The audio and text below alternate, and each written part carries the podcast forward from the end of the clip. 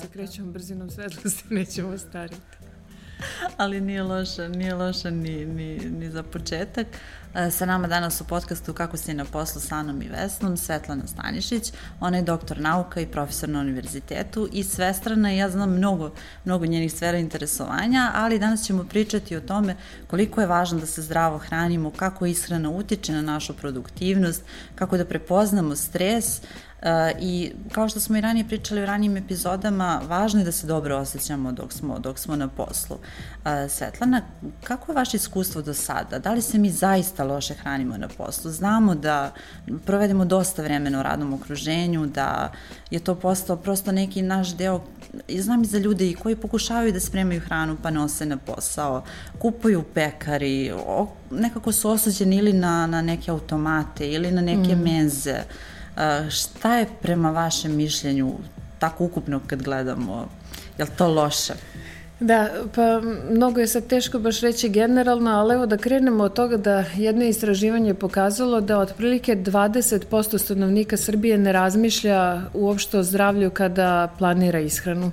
Pa to naravno uključuje i tu ishranu na poslu. Tipično oni se oslanjaju naravno na pekare, na ono što nađu usput ili neki čak ne jedu ništa tokom radnog vremena i onda taj dan tipično izgleda ovako. Uh, ujutru preskoče doručak, onda negde oko podne nešto gricnu, možda neke čips, ovaj, negde oko 3-4 sata popodne uzmu jednu štanglicu čokolade, jel, orobe od nekoga u kancelariji i onda vraćajući se kući sa posla, pošto tako konstatuju da ceo dan nisu ništa jeli i pošto su pregladneli, naravno i od stresa i takođe kratko spavanje utiče mnogo na to da nam se jede slatko, negde oko 5, 6 popodne kad već ko, kako da se snađu za hranu, oni svrate, na primjer, na prvi kiosk i uzmu šta god, još i dobro ako je to pljeskavica, evo možemo posle reći koji su mhm. rizici vezani za te kioske ovaj, brze hrane gde se roštiljsko meso ovaj, priprema. Koristi, da. Jeste ili, na primjer, svrate, ja znam dosta primjera, McDonald's, KFC i tako dalje, restorani brze hrane gde se uzima hrana iz friteze i onda Uh, u par zalogaja unesu znači 1200 kalorija, sednu uveče kući uz televizor, malo da se relaksiraju jer bože bio je dan težak i normalno ljudi šta će pod stresom onako malo da se osete bolje, uzmu, a tipično uveče mm -hmm. nam se jede jer onda uh, padne nivo tog nekog hormona zadovoljstva u mozgu serotonina jer padne mrak i onda nam bismo da zapalimo neku cigaru, da popijemo čašu vina ili da jedemo i onda sednu ispred ekrana i onda, na primer, pojedu veliko pakovanje sladoleda ili, mislim, možda niste znali, ja sam, ja dosta puta do sad sam spominjala, na primer, neke integralne kekse koji se prodaju kao zdrava varijanta A zapravo su. hrane. Pa znate šta, nisu oni toliko ni strašni za zdravlje kad gledamo, na primer, decu u razvoju, pa sad mojim malim dečacima, to je sasvim u redu, ovaj, ali uh, jedno to pakovanje keksa je hiljadu kalorija. Da, to je prilično kada pogledamo celu... To je strašno i onda naravno ljudi dođu do toga da unesu više kalorija tokom tog dana, a samo 100 kalorija dnevno više na godišnjem nivou ste dobili 5 kilograma. Eto, to je baš zanimljiv podatak i znamo, na primjer, da na poslu često se naručuju putem dostave eh, hrane, pogotovo timovi uh, Ja znam i kod nas čak šta ćemo da jedemo, hajmo da vidimo ovu brzu hranu i konstantno sedimo i to se nekako slaže, slaže konstantno organizam. E, koliko je loša ta hrana koju naručujemo putem dostave? Evo, malo pre smo pomenuli pljeskavice, to uglavnom i budu pice, sendviči, nešto slično? Pa ja bih to podelila otprilike na dve kategorije. Ajde da kažemo, prva kategorija bilo bi sve što dolazi iz friteze, na primer, ili um, ili uopšte to što ste rekli pekara, dakle burec ili snato testo, onda uh, pice takođe. Šta je problem sa ovom vrstom hrane? Uh, to što dolazi iz friteze, u fritezi se ulje ne menja. I ako pogledate, možete lako da nađete na YouTube-u, na primjer ukucate bilo šta ovaj, prženje u dubokom ulju u fritezi, počeši od pomfrita, onih krofni, mesa, takođe u tim restoranima brze hrane, pohovani kačkavalje i tako dalje, vidjet ćete da je ulje crno. zato što se nikada ne menja. I Ima zbog... verovatno specifičan miris zbog toga. Jeste i e, problem je u tome što to, sve to što se pohoje, odnosno prži u dubokom ulju, ono upija dosta ulja, tako da malte ne trećina sigurno težina onog pomfrita zapravo dolazi od tog ulja koje se mnogo, mnogo puta hladilo i grelo. Moj jedan student koji radi u restoranu brze hrane kaže da godinu dana nisu promenili ulje u fritezi, prosto ne menja se nikada. Čula sam Strašno, i iz drugih da. ovaj, Dakle, to nije jedini izvor. Dakle, možete vidjeti da je crno. To crno ulje je puno kancerogenih materija i puno je materija koje podižu nivo holesterola u krvi. Znači, iz tih razloga mi kad kažemo da je brza hrana loša, ja neću da kažem da ni slučajno nikad ne treba pojesti taman posla, mislim, živimo u moderno vreme i naravno da čovjek treba da bude i zadovoljan po, i ponekad da se ne izdveje iz društva i ponekad naravno, naravno da, da Ovaj, ali daleko od toga da to treba da bude svakodnevna stvar, zato što ono što mi na svakom, svakodnevnom nivou koristimo, to je ono što nas najviše oštećuje. Jer uh, taj kumulativni efekat, Znači, kad vi svaki dan na isti način se hranite, to je problem. To I... smo sada pomenuli, pomenuli ste koliko to utiče, na primjer, na gojaznost na godišnjem nivou. Kako još to utiče na naš organizam? Uh, To utiče na bezbroj načina. Evo sad ću, mislim, ali ja ću da se ograničim na par stvari koje su ključne. Dakle, ta hrana iz friteze utiče, evo ovako, prvo, Eh, odakle da krenem, ima mnogo soli, dakle, pa prema tome podiže pritisak. Eh, ima materije koje podižu nivo holesterola, loše holesterola u krvi, znači menjuju na masni status u smislu da se povećava šansa za aterosklerozu. Zatim, takođe ima kancerogene materije, što znači da, jel tako, povećava rizik za rak. Zatim, eh, hrana iz friteze i uopšte iz tih restorana brze hrane eh, je problem zato što nema biljna vlakna koje hrane naše dobre bakterije u crevima, a od toga nam zavisi imunitet. Takođe, transmasti koje dolaze iz friteze su jedan od glavnih faktora koje treba isključiti kad pričamo o imunitetu. Znači, mi pričamo o tome šta treba uzeti tipa omega-3 masne kiseline da bi nam imunitet bio bolji, ali ono što oštećuje imunitet, broj 1 je friteza. Znači i te transmasti iz friteze i iz margarina, hidrogenizovane biljne masti. Um, takođe imaju dosta transmasti i to nam oštećuje imunitet. E, sada... Onda, a, šta još, da, naravno nemaju dovoljno vitamina i minerala, dakle sve funkcije u telu su nam usporene, ne odvijaju se kako treba hemijske reakcije u telu, metaboličke, prema tome a, brza hrana ima pored te gojaznosti, a gojaznost nije zanemarljiva, ona nije samo estetski problem, ona povećava šansu za sistematsko zapaljenje. Naravno, ta hrana brzo podiže i nivo šećera u krvi, pa onda stvara predispoziciju za diabetes, povećava rizik od nastanka diabetesa. Znači, ne postoji dakle, stvar u telu od e, bubrega, onda uz tu brzu hranu obavezno ide Coca-Cola, ili ne znam, bilo koji drugi gazirani napitak sa, taj, e, sa dosta fruktoze, to nam oštećuje jetru. Znate danas da kad odete kod lekara i, na primjer, imate masnu degeneraciju jetre, prvo što pitaju jeste da li pijete gazirane sokove. Znači, tako da ne postoji organ u telu koji nije oštećen kada svakodnevno uzimamo uh, hranu iz tih restorana brze hrane. To je kada govorimo o nekom opštem zdravstvenom stanju. A kako to utiče na našu produktivnost? Uh, znamo da nekada može i da nas uspava hrana, pa onda koliko je u tom kontekstu dobro koristi kofein. Kako vi gledate na, na to? Što se tiče produktivnosti, vidite, kad nismo zdravi, definitivno, dakle, nećemo biti ni produktivni. I u suštini jedan od načina da se, da kažem, kvantifikuje taj gubitak i godina života i godina rada jeste upravo to da se preračuna koliko nam neki faktor rizika utiče na skraćenje života ili radnog veka i to je šteta i ekonomska, da ne govorim samo o troškovima lečenja ovaj, već o tom skraćenju radnog veka, ali sada ostavimo to na stranu. Što se tiče ovako svakodnevne koncentracije, nedostatak minerala i vitamina, nekih posebno, kao što su gvožđe, kao što je magnezijum, kao što je vitamin B grupe, Znači, utiče nam na raspoloženje ovaj, i na koncentraciju.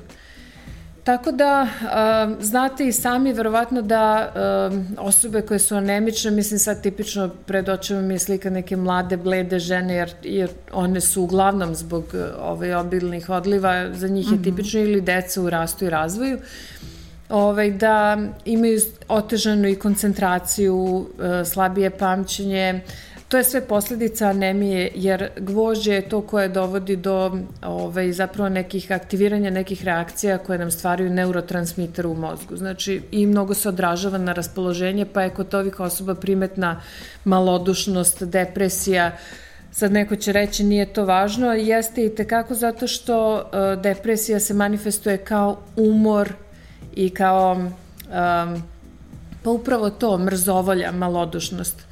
Tako da to mnogo zavisi naravno od ishrane, zato je dobro da imamo gvožđe, dobro je da imamo B vitamin i takođe dobro je da imamo dovoljno magnezijuma. Magnezijum potiče od uh, svega zelenog. Dakle, mhm. sve biljne namirnice, obično ljudi pitaju da li treba da uzimam suplemente magnezijuma, ali dobro, o suplementima da, ćemo to, posle. Da, to, to ćemo malo kasnije. Da, ali, znači, uglavnom, ako jedu dovoljno zelenog, ne.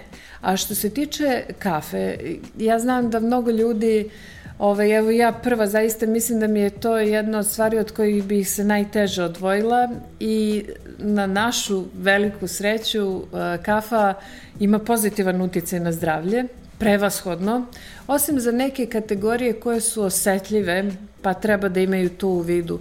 Osetljivi su pre svega ljudi koji su anemični, imaju visok pritisak, ljudi koji imaju oštećen želudac, odnosno skloni su gastritisu, um, ili imaju na nervnoj bazi ovaj, dakle, neki problem sa digestivnim traktom tipa nervozna creva.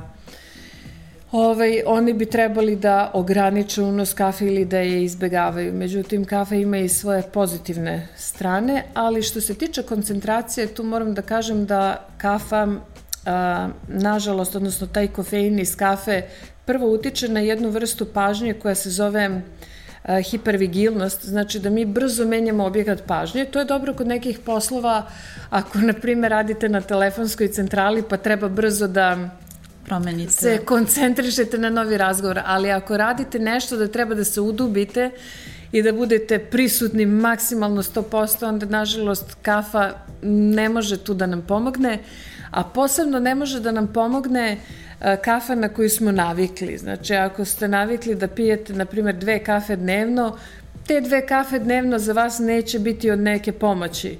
Tek ako popijete treću, zapravo možete osetiti neke efekte na budnost, na mm -hmm. ovaj, e, bolju tu koncentraciju i tako, ali, kažem, češće može da se desi da ako je ne popijemo da se zapravo osjećamo umorno. Osim produktivnosti, dosta, dosta toga utiče i na stres. Malo pre ste mi rekli da postoje određeni mehanizmi kako da prepoznamo da smo pod stresom, a da je opet nekako to povezano naročito danas menadžeri često će da, da gurnu svoje probleme i neće toliko da stave lični lični onako, da kažu, meni je stvarno loše, nego će da pregrme dana neke svoje načine, a neće se posvetiti dovoljno zapravo uzroku tog stresa ili, ili lečenju na kraju krajeva.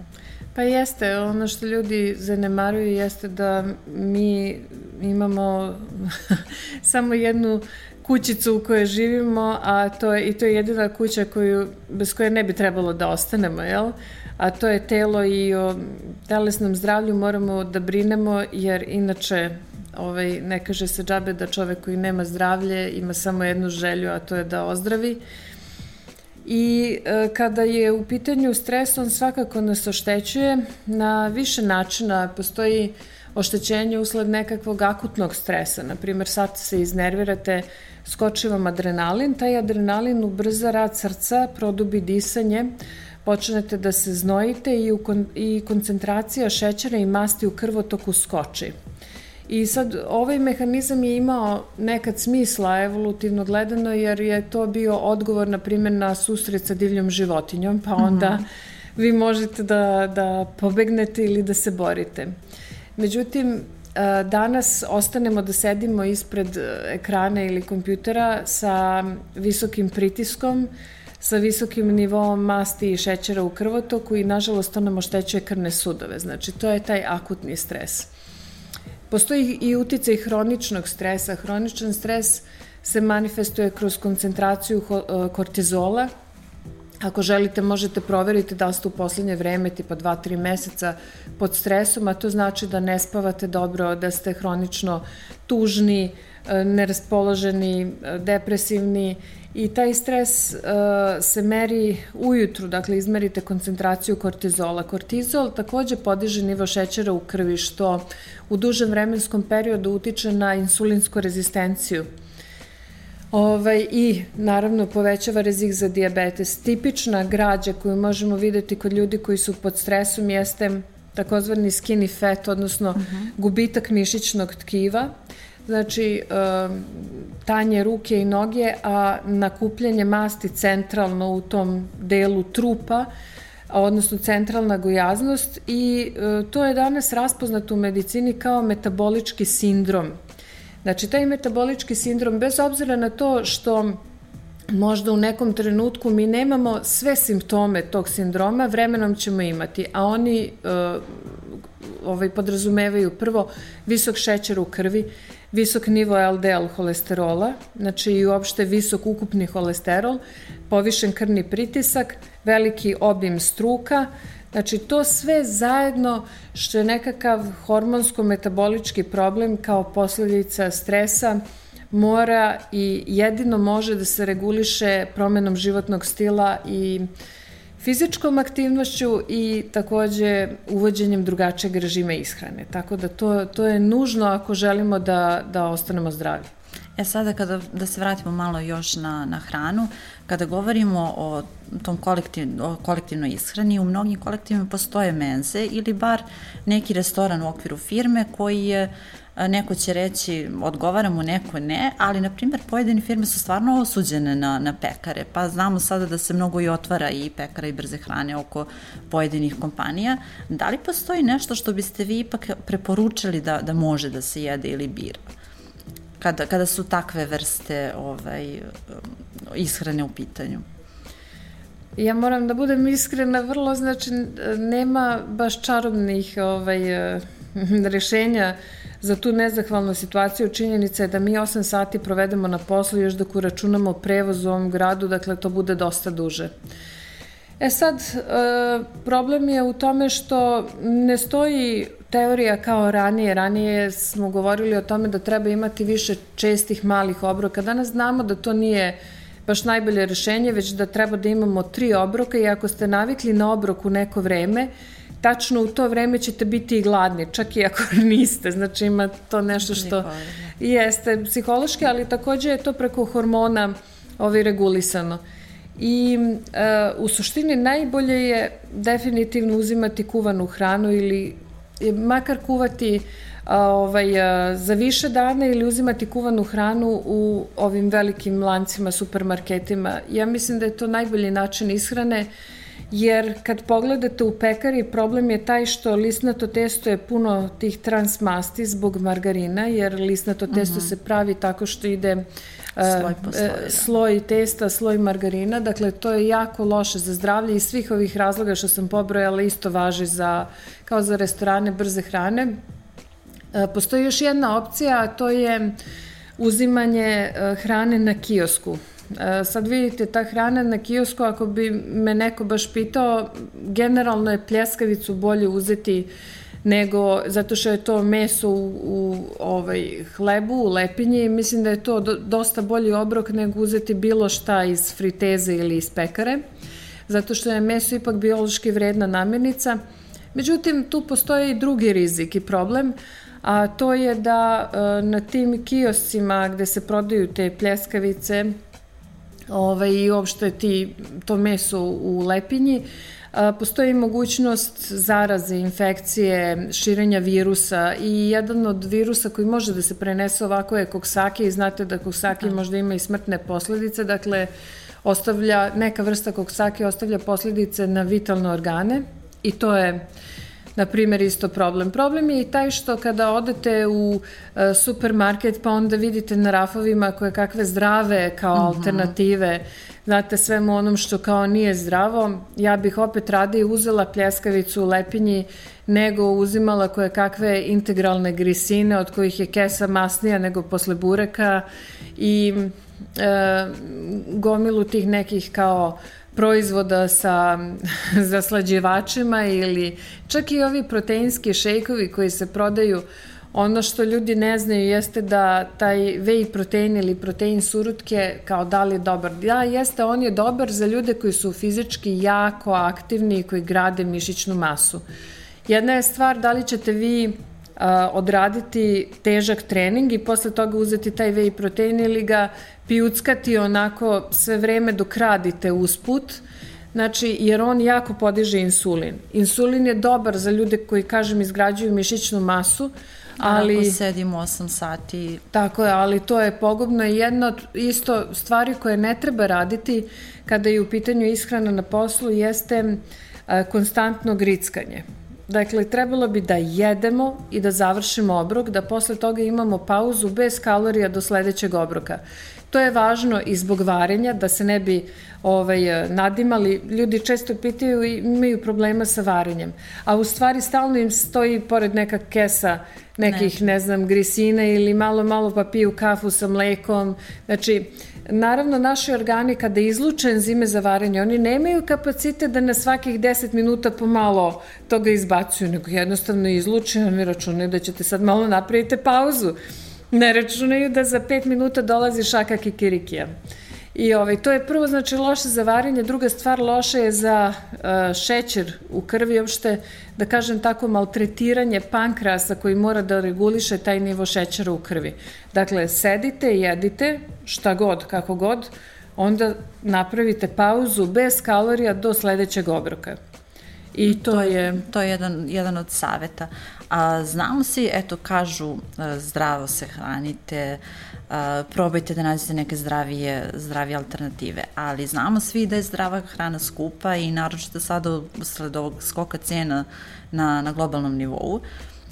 Da li je zaista tako? Da li je zdrava hrana zaista skupa i možemo li mi da nađemo neku, neku alternativnu, tako, šta, šta biste vi preporučili ako već hoćemo zdravo da se hranimo, a da opet prođemo, mislim, znam dosta kolega koji jednostavno i mrzi da, da spremaju hranu i danas će možda pre nešto da kupe nego da zdravo spreme i onda ako se spremaju zdravo onda nisu sigurni šta je, šta je zdravo i znamo svi da i ove neke namirnice koje su nam dostupne da i nisu toliko zdrave koliko se o njima govori ili koliko se bar yeah. propagira da su zdrave, da. Ne, a, sigurno, ovaj, dobro ima tu dosta i, i neistina, zato što to kad mi kažemo da nešto sadrži štetne materije, postavlja se pitanje da li je to relevantno za kupca ili potrošača. Znate, da li vi, na primjer, ako uzmete voćni jogurt, da li je tu količina nekog aditiva baš tolika da će to vama da smeta? Ovaj, e, što se tiče a, e, cena, ja bih rekla pre svega da prerađena hrana koja se prodaje kao zdrava ima neopravdano visoke cene kao na primjer ne znam bezglutenski proizvodi ili na primjer biljna mleka biljna mleka sa izuzetkom sojinog mleka praktično ne zaslužuje epitet uopšte mleka s obzirom na pa njihov hranu. Pa nekako je to postao trend da se jednostavno tako stav, stavljaju u prvi plan. Jeste, uh, mislim, i uh, najbolje, ja, na primer, kada sam bila u situaciji da se snalazim, za mene najbolje bilo da skuvam za duži vremenski period, pa onda, na primjer, ja prosto natrpam, to ne bude neko posebno jelo, nego stavim sve što imamo ovaj, od mesa i povrća i onda to tako jedem. Pa razdelim u više obroka. Ono što je poenta kada je u pitanju ishrana, dakle, prva stvar – ljudi koji očekuju da, to je istina, dakle ne možemo od toga da pobegnemo, ljudi koji očekuju da um, im najveće životno zadovoljstvo bude u hrani, oni ne mogu da budu zdravi, nažalost. Hrana služi tome da preživimo i, i da povremeno uživamo. Dakle, povremeno da uživamo. Ako uh, isključivo tražimo zadovoljstvo u hrani koje ne nalazimo u drugim sferama života, onda treba da se zapitamo da, da li treba da menjamo nešto drugo, a ne da li treba da uživamo svakodnevno tri puta dnevno u slatkišima. Ne da. može. Jednostavno tako nije održivo. Znači hranu treba da posmatramo kao nešto što nam služi za održavanje života i zdravlja. I jedino tako, dakle, mi možemo da normalno funkcionišemo. Druga stvar, rekoh već u tim supermarketima kuvana hrana je definitivno najbolji izbor, a posle toga bilo kakvo meso koje nije spremljeno samo na otvorenom plamenu i na ćumuru. Znači, neka pljeskavica sa električnog groštilja, na primer, to je druga varijanta odme iza toga po kvalitetu. Na kraju, ako nemate ništa drugo, možda nije loše da odete i uzmete jednostavno litar jogurta, pošto jogurt, em što ima dobre bakterije, em što se obično jogurtu dodaje i ovaj, tako da ima i hranu za te dobre bakterije, osim toga ima kvalitetan sastav što se tiče proteina, ima malo ovaj, ugljenih hidrata, što je dobro za, za ovaj, koncentraciju, tako da i uopšte za funkcionisanje, jel, za energiju, tako da i ima takođe vitamine. Dakle, neki brzi obrok kao ono šta da radim sad, ušao sam u prodavnicu, nešto na brzaka, uzmite jogurt i uz to, na primjer, neki kikiriki koji nije pržen u dubokom ulju i super. I to je, jeste, tako je, to je, ove, isto je, sad vidjet ćete, nažalost, neka fitness populacija reklamira neke besmislice tipa ne znam, omlete bez žumanaca i tako dalje. Žumanca su veoma vredna biološki, imaju sve vitamine koji se nalaze u jajima. Drugo, kad jedete omlet bez žumanaca, vi unesete jako malo kalorija, onda posle ih nadoknađujete jedući čokoladu, što je besmisleno i potpuno nezdravo. Tako da kuvana jaja uz jogurt su isto, mislim, odličan ovaj, obrok. Eto, jaja ne moraju dugo da se kuvaju. Uh, tunjevina takođe iz konzerve sa koje kakvim imate danas i oprane salate i, i izribana šargarepa, čak i krompir očišćen, tako da ima tih stvari koje su prilično spremne za upotrebu. I što možemo brzo da koristimo i dopada mi se što niste od onih koji kažu zelena salata, piletina i zdravo ćete da se hranite. Dakle, postoje i neke druge stvari na kojima samo treba malo da obratimo pažnju, a koji su nam dostupne i brze. Pa, definitivno, znate šta, čovek, ja kažem, naravno, ne može jedino zadovoljstvo tražiti u hrani, u životu, kao što je potpuno pogrešno kad neko kaže meni su cigarete izvor jedinog zadovoljstva u životu, onda kakav je to život. Uh, dakle, ali s druge strane moramo biti zadovoljni sa onim što jedemo, ne možemo, jer uh, psihičko zadovoljstvo takođe ne postoji kad jedete, na primer, kad moram da kažem bljutat beli pirinač sa belom piletinom.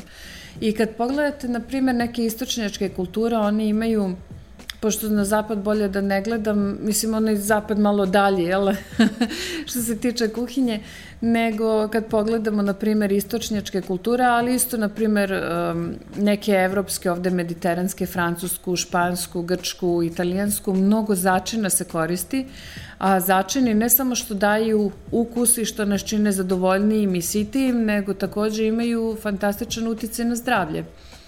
I ja sam baš, ovaj, pošto imam svoj YouTube kanal vezan za ishranu uh -huh. i zdravlje i uopšte za uticaj faktora životne sredine na zdravlje, snimala o tome kako različiti začini utiču na zdravlje. Tako da... Jel možete sa nama da podelite, na primjer, eto jedan koji biste preporučili da, da stavite? Uh, pravo da vam kažem, ja ne znam koji bi pre, s obzirom na to da imaju, uh, smanjuju rizik od diabetesa, deluju antiinflamatorno, uh, um, utiču na sniženje krvnog pritiska, dakle od peršuna, ruzmarina, bosiljka, uh, i što je fantastično, ti začini koji deluju antiinflamatorno, oni ovaj, su odlični za neka alergijska stanja danas i uopšte, uh, na primer, i autoimuna stanja kao što su reumatoidni artritis ili a, na primer ekcem takođe mm -hmm. i sve neke te bolesti današnjice jest, kojima smo sve više izloženi da. jako česte tako da i pa sve do onih začina koji se koriste za slatka jela kao a, cimet, muskatni oraščić i tako ti ovaj A suplementi, kada govorimo o njima, da li ih vi preporučujete i kako se oni koriste zapravo i koliko su danas u ishrani uh, koliko su dostupni?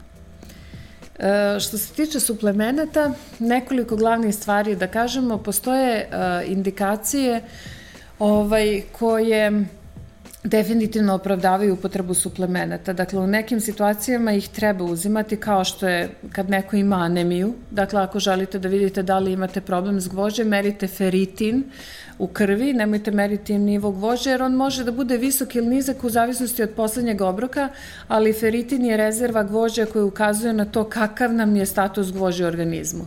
Dakle, gvožđe za anemiju – onda, na primer, ako ne jedemo dovoljno mesa i opšte životinskih namirnica, cink definitivno ovaj, s vremena na vreme je potreban, vitamin D je, na primer, potreban zimi, pušačima su potrebni neki antioksidansi, međutim, sad pre nego što mhm. se svi ovaj, zalete za suplemente, Ono što je sigurno, ovaj, kada su u pitanju suplemente, a što, ovaj, da kažem, vrlo teško ljudi koji nisu iz tako prirodnih nauka to razumeju, da više nije i bolje. Znači moramo da vodimo računa strogo da se ne pređe granica jer su brojne studije pokazale da preterano uzimanje vitamina zapravo može da skrati život i da uništi zdravlje. Sad da ne navodim pojedinačne slučaje, to čisto verujte mm -hmm. mi ovako da, na, da, da, to je... na opštem. E, I u tom smislu e, mnogo zavisi to kako se hranite. Dakle, nije isto da li se hranite relativno dobro, pa vam s vremena na vreme treba neka mala pomoć, ili se hranite zaista loše. U slučaju da se hranite zaista loše, vitamini i minerali nažalost ne mogu da ispeglaju sve nedostatke nezdrave ishrane, ali generalno onako ako e, smatrate da ste se tokom zime, posebno zbog te specifične zimske hrane, hranili prilično loše, ono što može da se preporuči jeste do dva meseca, na primjer, uzimanje nekih multivitaminskih preparata. Zašto multivitaminskih? Zato što uzimanje uh, preparata koji imaju jednu vrstu vitamina obično su neke mega doze. Znači, nažalost, danas farmaceutska industrija pravi te ogromne doze i s tim ne treba preterivati. Bolje uzeti svega pomalo, pomalo. i za posebne slučajeve, ako znate, na Za primjer... produktivnost, na primjer, ljudi to često uzimaju. Da, da li su oni preporučljivi? Pa za produktivnost vrlo teško ovaj, da mogu vitamini da pomognu. Ono što može da nam pomogne, odnosno jedino nam suplementi pomažu onda kada imamo neki nedostatak. A sad kako znate da li imate nedostatak, to je individualno. Morate znati svoje uslove života. Znači, u suštini ono što svima manje više fali sad u ovom periodu pred proleće, to jeste vitamin D ali njega takođe znam da ljudi uzimaju u nekim dozama koje su ogromne, po 4000 internacionalnih jedinica, 400 do 600 je sasvim u redu. Mislim, ne treba uzimati da, da.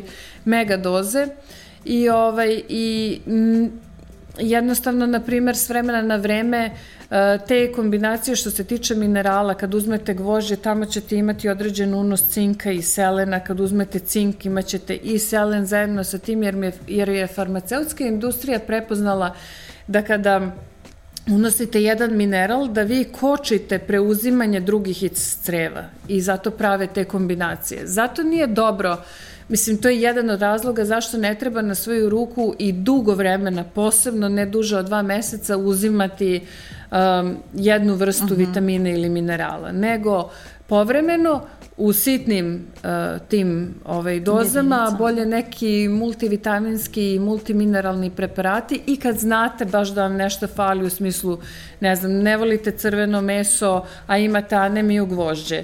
Ili, na primer, ne volite integralne žitarice i ne volite meso, onda cink s vremena na vreme i tako. To je kada govorimo eto, o suplementima. A sada za kraj, da li možete da sumirate i da kažemo radnicima i onima svima koji su zapravo na poslu i poslovnom okruženju, kako da se hrane? Neka tri, od, tri do pet saveta ne, vaši kako bi mogli da, da bolje se organizuju i da se bolje hrane?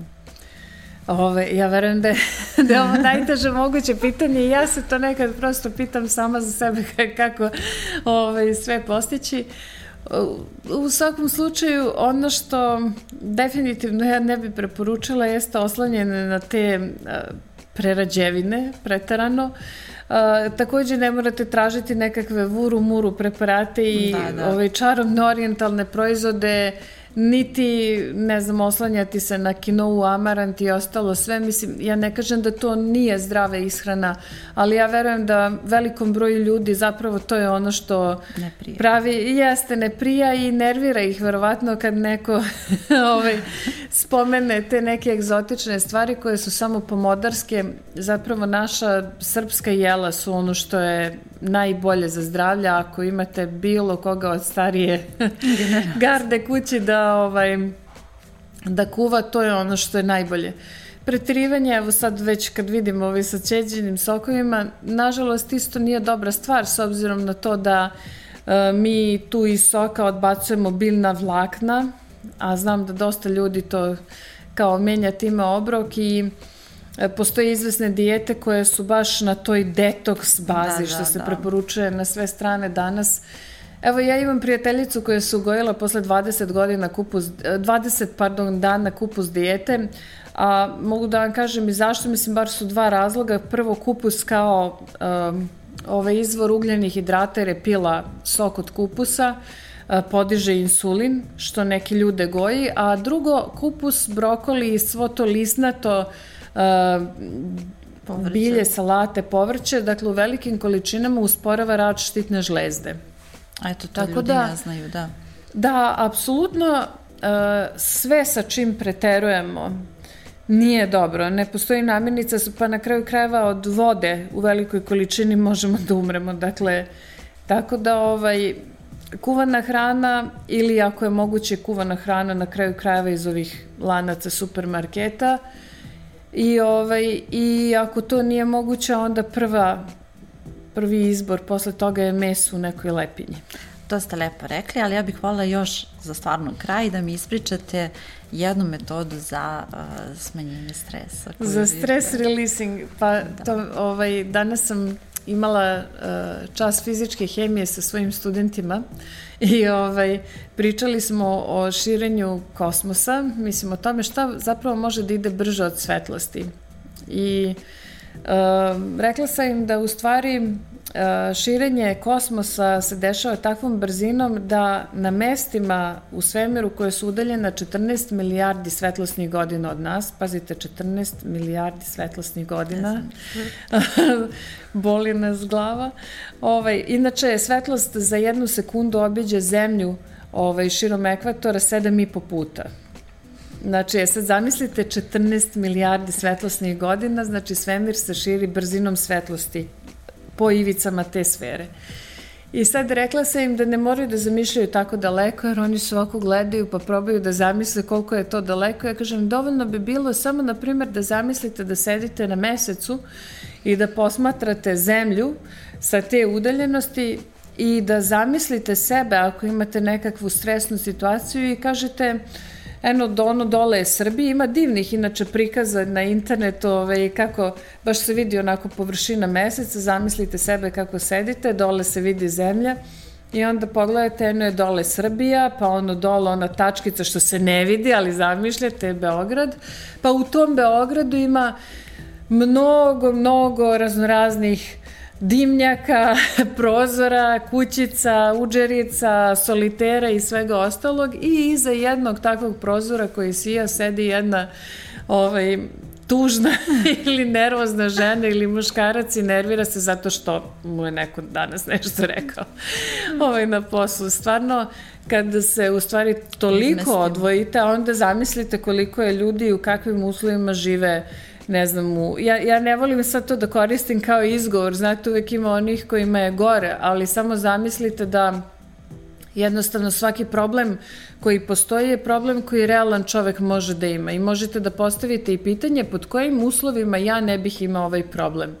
Naprimer, da li postoji neki, neka situacija u kojoj ovo ne bi moglo da se dese, ako ne znam, Ovaj, eh, evo ja sam skoro imala situaciju koja nije mnogo utešna, na primer problem sa zdravljem deteta. Jedina situacija u kojoj sam sigurna da ovo ne bi moglo da se desi jeste situacija ili da nemam dete, što svakako ne želim, ili druga situacija da je moje dete savršeno zdravo uvek, što takođe nije, nije moguće. Da. I čak i da je moguće i da nekome ide to da ima mnogo novca, da ne mora da radi, da ima fantastične porodične i, i emotivne odnose i tako dalje, ne može to da bude savršeno na svakom planu i ne može da bude savršeno ceo život. Prema tome, svi mi manje više ovaj, delimo iste probleme, možda se vama čine kao jedinstveni, ali u stvari kad malo razgovarate sa ljudima vidite da je to sve šablon i da ovaj, sve ono što se dešava vama dešava se i drugima. Hvala vam puno što ste bili naš gost. Vi nas gledajte i sledeće nedelje na YouTube-u, Spotify-u, Apple i Google platformama. Uh, ja ću još da vas pitam kako se vi lično opuštate. ja nikako.